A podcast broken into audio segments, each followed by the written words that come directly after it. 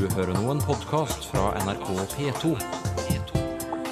nrk.no podkast. Det blir kveld, og så blir det morgenkveld, og så blir det enda en gang til hvis ikke jeg blir stein.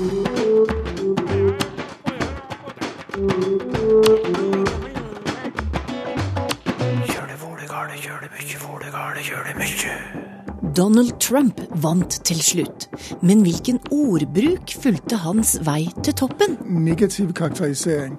Veldig få stavelser, veldig få ord, korte setninger. Og i år jubilerer et helt unikt språktilbud til foreldre. Altså for oss så har det betydd uh, muligheten til å kommunisere med vår uh, hørselshemma datter. Vel møtt til Språkteigen.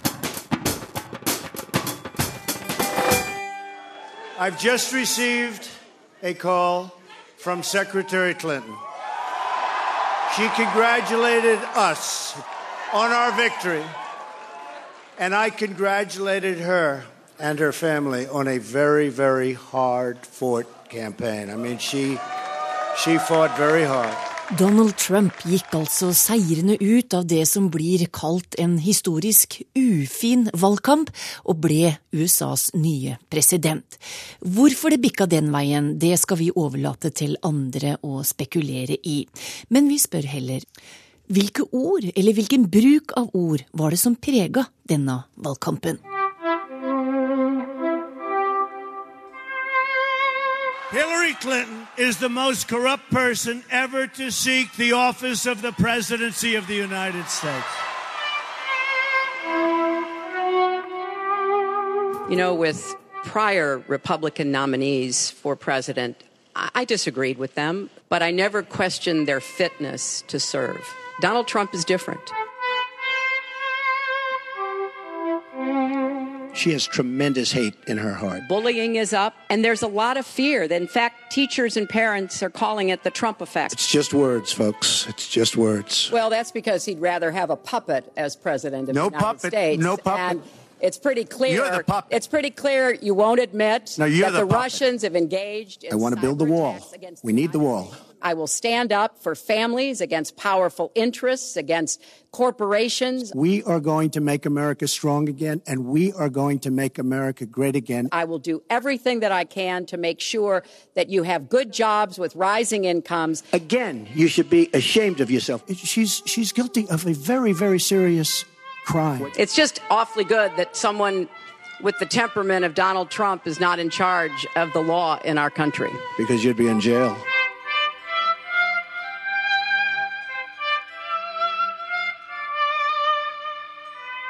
Professor i retorikk og visuell kommunikasjon ved Universitetet i Bergen, Jens Elmelund Kjeldsen.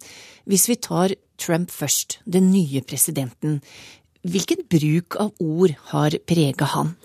Ja, har fått, Vi har fått en ny eh, kandidat i Donald Trump, og nå en, en ny president. Han har jo begynt å snakke på en måte vi ikke har sett tidligere. Men det som også er interessant med Donald Trump, det er at han bruker ofte veldig korte setninger med veldig få ord, med veldig få stavelser. Og så gjentar han de samme ting. Han gjentar det ikke slik som f.eks. Churchill gjorde gjentakelser, eller Obama gjorde gjentakelser. Han bare gjentar den samme setningen med disse korte øh, ordene øh, og sier det samme flere ganger. På samme måte som når vi snakker i en kafé, eller hvis vi sitter på en bar. Går det an å si at han prater folkelig? Akkurat det, akkurat det han gjør. Jeg tror det er den effekten som har vært retorisk. Det er at du ser en mann som snakker omtrent akkurat sånn som jeg gjør det, bare litt mer eh, presist. Og så tenker du ja, ja, hvis han snakker sånn som jeg, så er han sikkert sånn som jeg. Og hvis han er sånn som jeg, da kan du stole på han. Og det til tross for mange ufine ord. Jo, han har brukt, brukt mye ufine ord. Han har brukt mange adjektiver. Uh, han har mye sånn karakteriserende, negativ karakterisering. Uh, å kalle Hillary for nasty, for eksempel, eller for en crook, altså for en skurk, er jo veldig negativt. Og det har jo hatt betydning ved at omtrent halvdelen av folks, Amerikas befolkning de er jo skremt fra hvitt og sans, for å si det slik. Mens den andre halvdelen, de som er opprørte, oppgitte, de finner disse, denne ordbruken mye mer passende.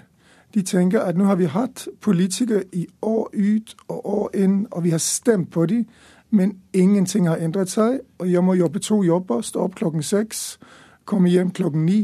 Så de er sinte. Mm. Så denne ordbruken avspeiler en følelse som allerede fins i, i, en stor del av befolkningen. Men du sier at han uh, gjentar setninger, men på en annen måte enn Obama. Uh, på hvilken måte da? Ja, på en annen måte enn Obama, men også f.eks. på en annen måte enn eh, Martin Luther King. Fordi Martin Luther King for eksempel, kanskje det mest kjente eksempelet på en gjentakelse jo 'I have a dream', 'I have a dream', 'I have a dream'. Og i den gjentakelsen der blir det en slags sang. Det blir et slags omkved, en rytme han gjentar. Mm. Men det Trump gjør, han bare sier det samme. Han sier f.eks.: It will be tremendous. It will be tremendous, folks. Det vil bli fantastisk. Ja, det vil bli fantastisk.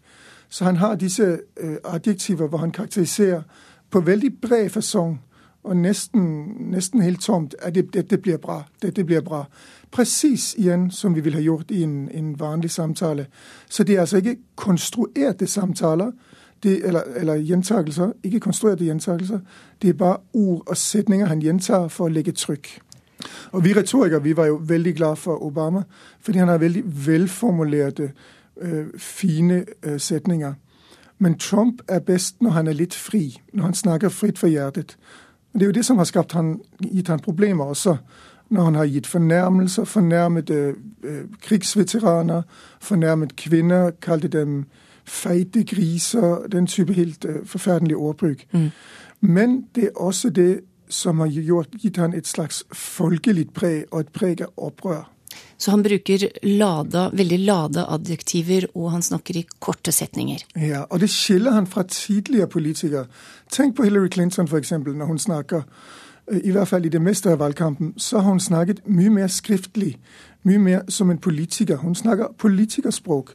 Hun vil ofte si ting som øh, my five-step-plan, eller min fempunktplan, og så gjør vi sånn, og så gjør vi sånn. Altså Hun beskriver hvordan man skal gå fram politisk. Og dermed høres hun ut som en tradisjonell politiker, og Trump høres ut som det motsatte.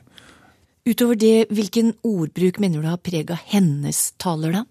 Jamen, Hillary er akkurat motsetningen til Trump. Hun er veldig velforberedt. Hun har tenkt alt nøye igjen. Hun lar seg ikke gå off script, som man sier i USA. Altså, hun holder seg til planen, og noen ganger helt konkret. Hun holder seg til manuskriptet. Så hun er veldig rolig og fattet og nesten overforberedt. Og Derfor har de to uh, kandidatene vært uh, motsetningenes kandidat, kan du si. Mm. Du Som retoriker, hvilken mm. type liker du best av Hillary Clinton eller Donald Trump? altså, Som retoriker og som person så liker jeg godt folk som har forberedt seg. Jeg liker godt folk som har gjort det ordentlig. Hva slags forventninger har du da framover til Donald Trump? Ja, du, det er interessant. Og nå holdt han jo sin takketale etter han, det var klart at han hadde vunnet. Og det var mange som ble overrasket. Mange hadde fryktet hva som skulle skje. Og så kom han på scenen, og så var han egentlig ganske så storsinnet, kan du si. Mm. Og så brukte han sånne formuleringer som uh, Han sa for eksempel I pledge to every citizen of our land. Han sa I'm reaching out to you for your guidance and your help. Eller hvis vi oversetter noe er det til, til skandinavisk Vårt lands glemte menn og kvinner vil ikke lenger være glemt. Eller en siste. Vi må gjenvinne vår lands skjebne og drømme stort, djervt og dristig. Hmm. Sånn har han ikke snakket før. Og tenk f.eks. på formuleringen 'Vårt lands glemte menn og kvinner vil ikke lenger være glemt'. Der har du en gjentakelse som er retorisk konstruert, hvor du gjentar ordet 'glemt' på en måte som gjør setningen interessant som er helt annerledes enn de mer øh, hva skal vi si, hverdagslige gjentakelser som han har hatt tidligere. Mm. Så hele den første delen av den talen var det presidenten som snakket. Og tro meg, de ordene har Donald Trump ikke skrevet selv. De ordene er det en taleskriver som har skrevet. Så der fikk vi et, et slags innblikk i hvordan blir president Trump når han får taleskriver som skriver for ham, og han må lese fra teleprompteren. Ja, da får vi se hvilken stil Donald Trump velger framover. Takk til deg, Jens Elmelund Kjeldsen, som er professor i retorikk og visuell kommunikasjon ved Universitetet i Bergen. Språkteigen jakter på årets ord for 2016. Ja, og du vet det er veldig fristende å nå begynne å nevne ord. Nei, Sylfest Lomheim, du må holde litt tilbake. Selv om vi bobler av forslag nå. Ja, for vi vil ha forslag fra deg som hører på. Hva er det vi jakter på? Vårt ord er karakteristisk, og det kan være etablert, men det har vært langt framme i nyhetsbildet og i folks diskusjoner og tanker og slikt. Har du et forslag? Send det til oss på e-post teigen krøllalfa nrk.no, eller på Facebook, eller på Twitter, om du vil.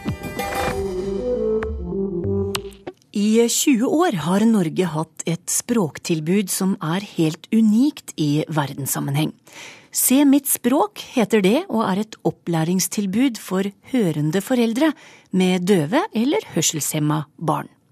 Siden oppstarten i 1996 har rundt 1000 foreldre lært seg tegnspråk på denne måten. En av dem er Dag Otto Evensen fra Trondheim. Hei på deg, Dag Otto. Hei. Du er en pappa som fikk dette tilbudet. Hva har det betydd for deg og familien din? Altså For oss så har det betydd uh, muligheten til å kommunisere med vår uh, hørselshemma datter. Det er jo noe enhver foreldre ønsker. Regner jeg med. Og dattera di heter Hanna, er elleve år, og som ettåring fikk hun en hørselsskade. Og derfor så ble tegn måten hun begynte å kommunisere med døkk på. Var det derfor det ble så viktig for døkk da å lære tegnspråk? Ja, eh, det var veldig viktig. Og ikke at hennes, eller alles historie er unik, men eh, da, da hun ble diagnostisert som hørselskade, eller med hørselskade eh, Vi bor jo i Trondheim, og vi visste jo at på den tida, her snakker vi i 2005, så visste vi at det var en døveskole på Høyndal. Det som da er Møller kompetansesenter.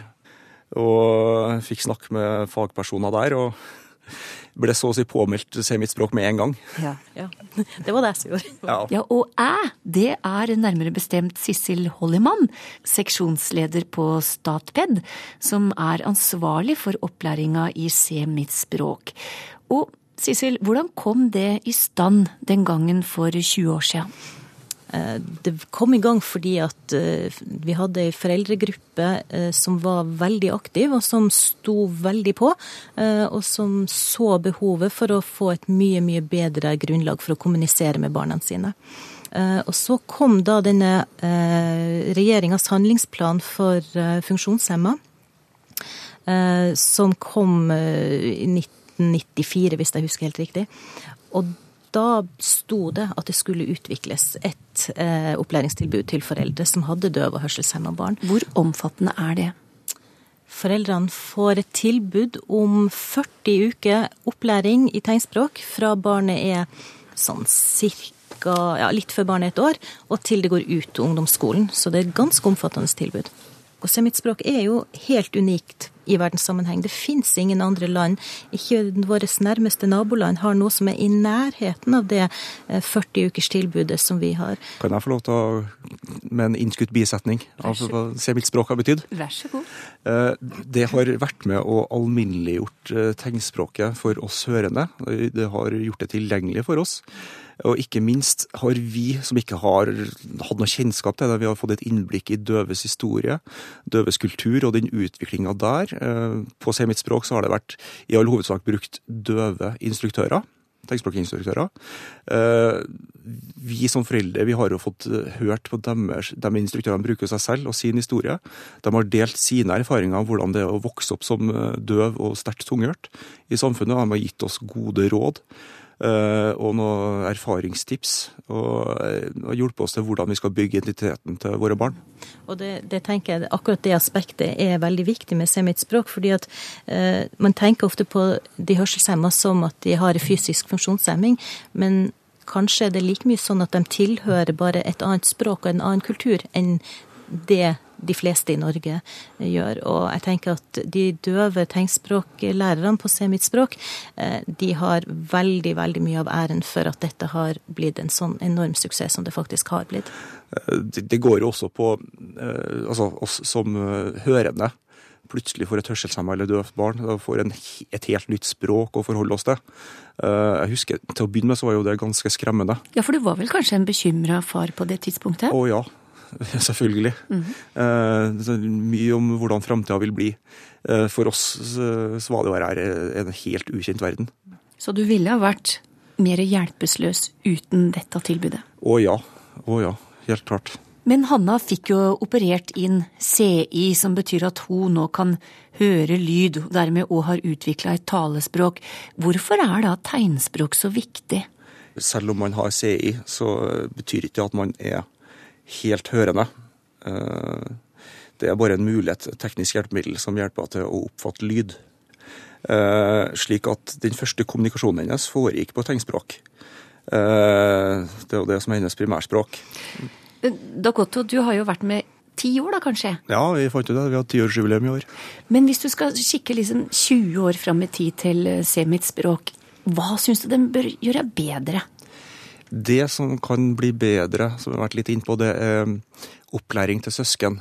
Eh, den er for så vidt mangelfull foreløpig. De får ikke et fullverdig tilbud.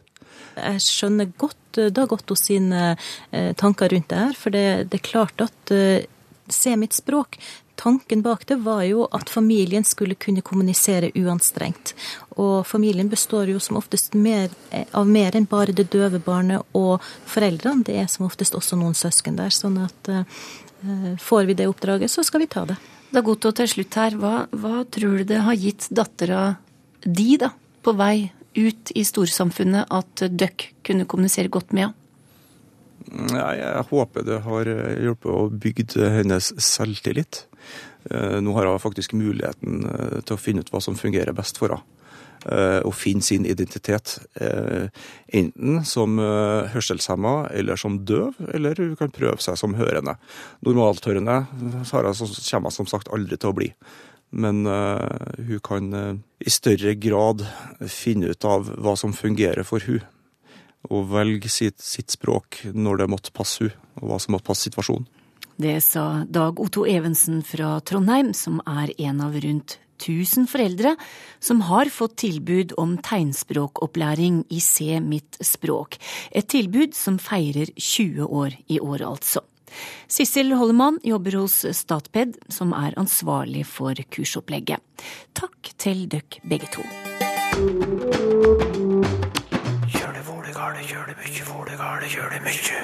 Bursdagshilsener er stikkordet for første lytterspørsmål i dag.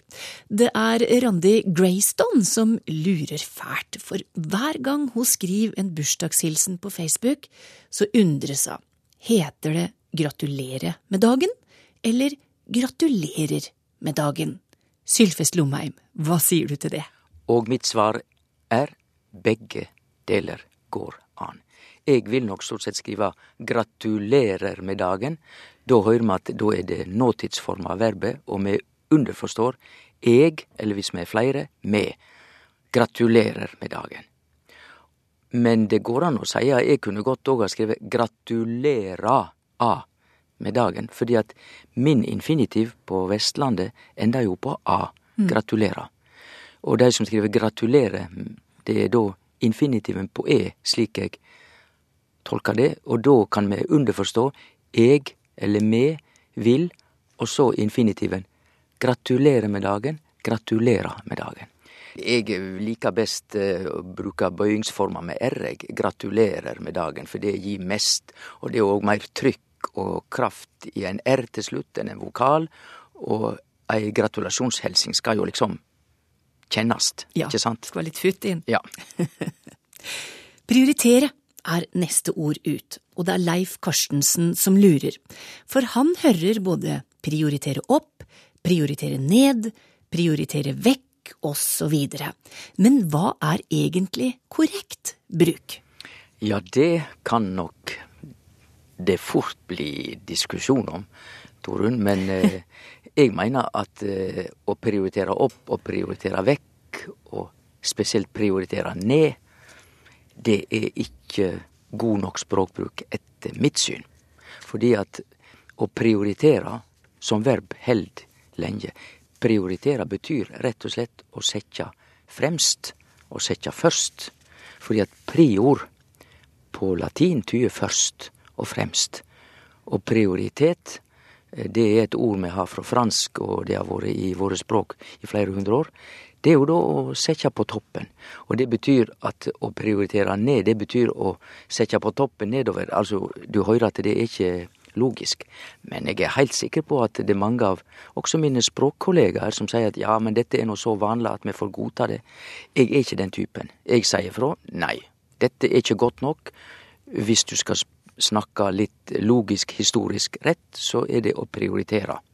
Og hvis du setter sakene lengre ned på lista, så er ikke de prioritert, rett og slett. Da er ikke de på toppen. Sylfest, vi skal til et spørsmål som du delvis har svart på tidligere. Iallfall så vises det til et svar som du ga om ordet kongen. Eh, der viste du til at kongen med stor K, det er kjønnsnøytralt, dvs. Si at det er kongen i statsråd, regjeringa. Ja. Mens kongen med liten k, det er knytta til personen kongen. Nettopp. Men hva skjer når vi da får en kvinnelig monark, lurer Eirik Havenstrøm på, og han tenker da spesielt på Garden. Skal det da hete Hennes Majestet Dronningens Garde, eller blir det faktisk Hennes Majestet Kongens Garde? Litt finurlig dette her. Dette blir litt finurlig, men Ja. dette er jo et spørsmål som ø, folk vil synes det er interessant å tenke litt på. Ja. Da vil jeg si det slik at hvis vi får ei dronning, så vil kongen med stor K, som da betyr regjeringen møter på Slottet i statsråd, den vil jo da overleve heilt glatt, fordi at det er rett og slett et organ. Eh, Og det betyr òg at eh, hvis vi tolker garden tilhøyrande organet og ikkje den personen som går rundt på slottet i kjøtt og blod, som er kongen med liten k, men at garden tilhører organet, så vil det da bli korrekt å seie Hennes Majestet Kongens Garde med stor K. Dette er slik som situasjonen nå, men vi må jo da presisere at det er Stortinget som avgjør eh, språkbruken, og hvis eh, Stortinget bestemmer at hvis vi får ei dronning, så skal garden oppfattast som garden til dronninga, og da må de endre det. Og jeg regner da stadig med at Stortinget ikke vil endre det som står i Grunnlova om kongen med stor K, fordi at det er jo et organ, og det vil nok Stortinget ikke, ikke legge ned. Og jeg tviler på om de også vil gjøre noe med selve ordbruken der. Men det Grunnloven burde ta høyde for, kanskje er en kvinnelig monark? Ja, og da måtte de eventuelt eh, si at i Grunnlova så kan det være kongen med stor K, dronninga med stor D, og at det da ikke er den fysisk rundtgående rundt-gående dronninga, men, men dette er da ei veldig hypotetisk eh, problemstilling som ikke er aktuell i dag. Ikke foreløpig. Nei. Men Stortinget kan få noe å tenke på framover. Når noen får knusende kritikk, så sies det at den blir dømt nord og ned. Hvor kommer det uttrykket fra, lurer Liv Ulvik på? Ja, og det er virkelig urgammelt. Jeg koser meg. Nå Ja. det er ikke tusen år bakover i tid, men enda eldre. Fordi at når noe, går, når noe blir dømt ned, Ja. det trenger jeg ikke forklare, da er det liksom Ja. Men hvorfor er nord med som noe negativt? Ja, for det er det Liv sier, at Ja. for det første er nord oppover, og hvorfor er det forresten så gæle med nord? Nettopp. Og det er der at her er vi tilbake så langt tilbake i tid at nord ikke nødvendigvis betydde den fine retninga mot nord og nordlys og alt mulig som vi har i vår tid. For etter gammelt så var det slik at de så mot soloppgangen, og da betydde at de snudde seg mot øst. Ja. Og de fleste orda som de da laga, var i høve til at de vende seg mot øst, mot sola. Lyset steig opp. Og det betyr at nord var til venstre. Og venstre etter gammelt er jo ikke det som er det heilt eh, toppen, det er jo høyre. Så eh, egentlig i denne sammenhengen så må vi tenke oss bli dømt til venstre og ned. Da begynner vi å, å, å eh, forstå det. Og det betyr òg at etter gammelt så lå det i undermedvetet når det gjelder ordet nord, det var til venstre, og det var kaldt, og det var grått. Det var det som var til venstre. Nei, jeg syns vi skal forlate det mørke og det triste og slippe til Sylvi Christoffersen. Hun funderte her en dag på ordene tyst og tyste, som hun syns må ha motsatt mening. Jeg vil tru at tyst og taus har samme opphav, sier hun, men hvordan forklare tyste? Ja, det forstår jeg godt, fordi at eh, å tyste er jo rett og slett å ta ordet, altså seie ifrå. Og eh, når noe er tyst, og svenskene snakker om tystnad, den store tystnaden, Ja. samme ordet, det er den store stilla, og eh, det med tyst, altså stille, det er et gammelnorsk ord, så det er veldig tradisjonelt norsk ord, dette her. Men eh, sammenhengen virker veldig rar, og den, da må vi ta en liten snue, fordi at eh, å tyste er jo å kanskje ikke si så høyt. Nærmest dempa, Snakke stille, og vi sier jo òg å, tyste kan være Jeg tyster på deg, altså hysje på deg, må du være stille. Så det er ikke tvil om, iallfall språklig og historisk sett, så er dette med å tyste som verb og adjektivet tyst, det er samme ordet, egentlig. ja. Men hvordan har vi fått denne eh, meningen med å tyste som å ja, angi noen, da, eksempel? Ja, det er jo fordi at i utgangspunktet så eh, Det å tyste var å seie noe, men å ikke seie det så høyt, og helst ikke at så mange hørte på. Ja. Jeg spør for ei venninne, sier Frode i en e-post. Hun sliter med ordet skrud, som i sin vakreste skrud. Hva betyr det? Det henger nok sammen med å skjære, altså et tøystykke. Så skrud er det som er tilskåret, og da forstår vi kanskje også at skrud er i slekt med ordet skredder. For en skredder er en tilskjærer, den som skjærer til tøystykket. Men fra å være et eh, tøystykke som blir skåret, til å være i sin vakreste skrud, hva er veien der, da? Jo, veien er jo rett og slett at skrud da, som betyr tilskåret, har blitt et ord for veldig vakkert tilskåret tøy. Altså det fineste du kan tenke deg av, av klede. Og da går du i ditt vakreste skrud. Eller ei dronning går i sitt vakraste skrud, eller noe slikt. Vakkert tilskåret tøy, det ble det siste vi rakk i Språkteigen i dag. Takk til deg, Sylfest Lomheim, og til deg som hører på. Vi er tilbake om ei uke. Ha det bra!